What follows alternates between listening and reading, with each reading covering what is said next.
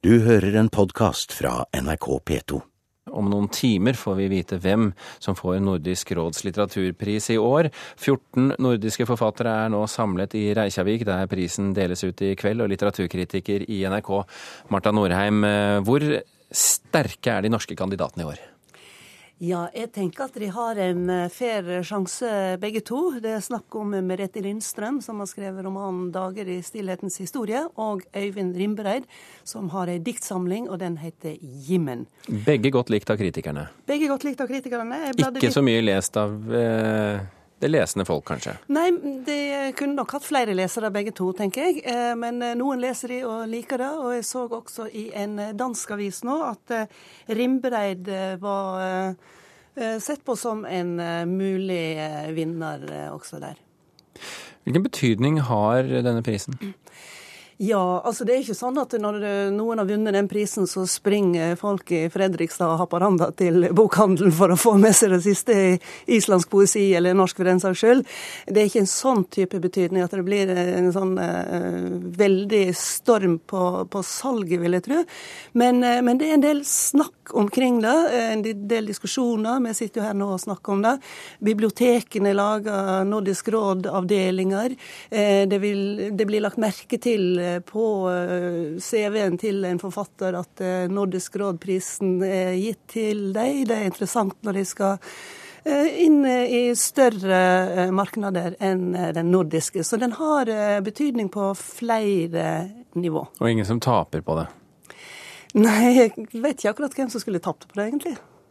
Maria Schotenius, litteraturkritiker i den svenske avisen Dagens Nyheter. Du pleier jo å være flink til å gjette hvem som vinner, eh, så jeg stiller det første spørsmålet som du kanskje kan vente. Hvem vinner i år? Nei, men Jeg vet ikke. det verkar å tilby Rimbereid, jeg vet ikke. Men eh, i år har ikke jeg lest alle. Jeg leste alle forrige året. Mm. Eh, men det er et ganske ganska stort arbeid, og iblant ibland så, så har man annet for seg og så der. Og jeg kan vel tykke at det att eh, det är väldigt, väldigt sympatiskt och roligt att vi har det här Nordiska rådets litteraturpris och att vi liksom uppmärksammar varandras eh, litteratur. Men jag skulle nog liksom göra det på ett lite annat sätt.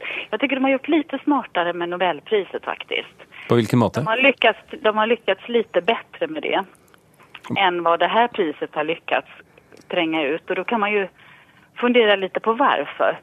Och jag tror ju då att eh, det är så många kandidater. Man känner att oj, oj, oj, ska man läsa alla de här böckerna? Det, det klarar inte ens litteraturkritiker på de stora tidningarna av, utan det är lite för mycket.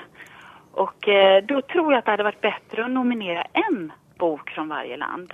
Er du enig i dette, Marta? Eh, ja, jeg vil jo si at Når det gjelder Nobelprisen, så hjelper det jo selvsagt også at den er på 10 millioner kroner. Eh, sånn litt bedre.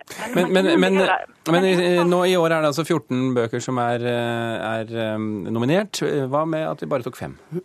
Martha? Ja, fem var jo veldig lite. Eh, altså, for det er, to fra, fra de, det er to fra de store landene, og så er det ett fra det samiske området og Færøyene osv.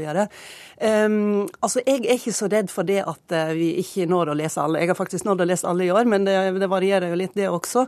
Men eh, noen når å lese noen bøker, og jeg ser at det både i Danmark og i Norge, der jeg har fulgt med, eh, så er det aviser som klarer å presentere absolutt alle. Så jeg har litt sansen for den bredden. Hvis jeg skal være knusende ærlig, så er er ikke jeg så ekstremt opptatt av hvem som vinner, jeg er mer opptatt av prosessen i forkant.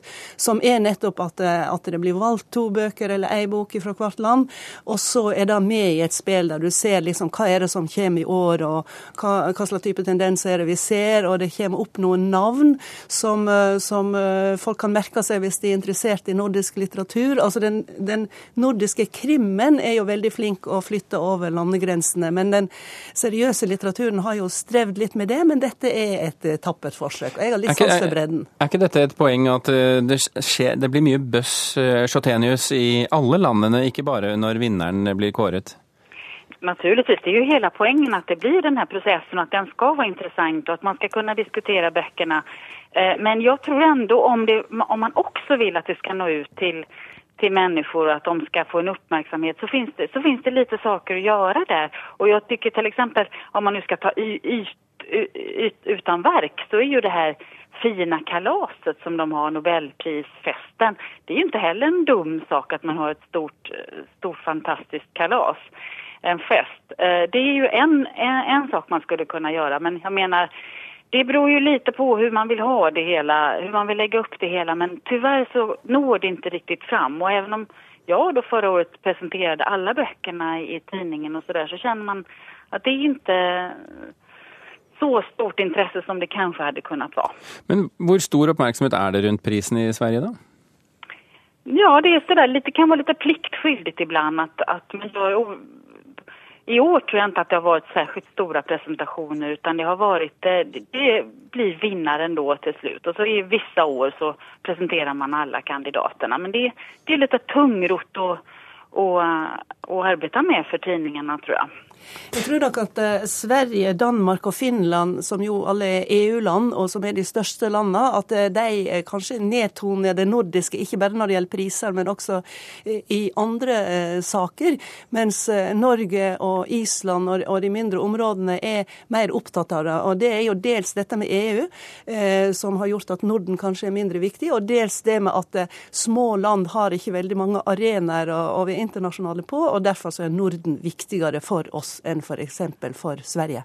Och det är väldigt synd tycker jag, för det borde vara viktigare. Det finns en stor, det finns en stor anledning att, att hålla samman här i Norden också eh, med andra globala scener vi har. Och jag har ju varit med också i arbetet med Nordisk kvinnolitteraturhistoria som har nu en fantastisk sajt som man kan passa på att göra lite reklam för. Det har norskorna och danskorna, det är danskorna framförallt som har arbeidet med det. Men, men eh, eh, Maria Sjotenius, ja. Eh, denne prisen, Nordisk råds litteraturpris, har jo blitt kritisert fordi at den velger ut Altså det velges ut bøker som ingen har lest og ingen kommer til å lese. Er ikke det med på å gjøre prisen mindre betydningsfull? Ja, det är liksom, man kan ju också ha det, säga precis motsatsen då, att det skulle vara, att det är väldigt bra att man lyfter fram böcker som kanske inte alla läser ändå, utan jag tror inte att om man har ett, ett, ett kvalitetspris som ska handla om kvalitet så, så ska man inte snegla på de populistiska eh, faktorerna utan faktiskt välja det man anser bäst. Eh, men självklart hade det varit pop väldigt populära böcker så kanske det hade blivit mer uppmärksammat, det är möjligt.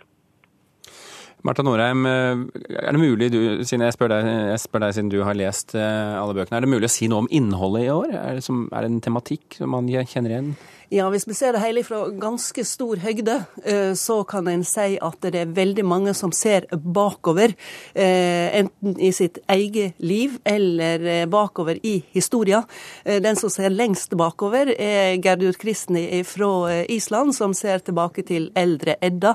Der hun tar et Edda-dikt og klarer å gjøre det til et veldig moderne dikt om tvangsekteskap, om kvinner som er nødt til å å eh, ofre seg sjøl for å bevare mennenes ære osv. Så videre, og så videre. sånn at det, eh, selv om de er historiske, mange av de, så er de også aktuelle. For all historie blir jo sett ifra den plassen der eh, forfatteren står, selvsagt. Men det er mye som er tilbakeskuende her. Vi får svaret i løpet av kvelden. Marta Norheim, tusen hjertelig takk for at du kom til Kulturnytt. Og takk også til deg, Maria Schotenius. Og vi får si gratulerer. Jeg mente ikke gratulerer, jeg mente lykke til på de enkelte lands vegne. Du har hørt en podkast fra NRK P2.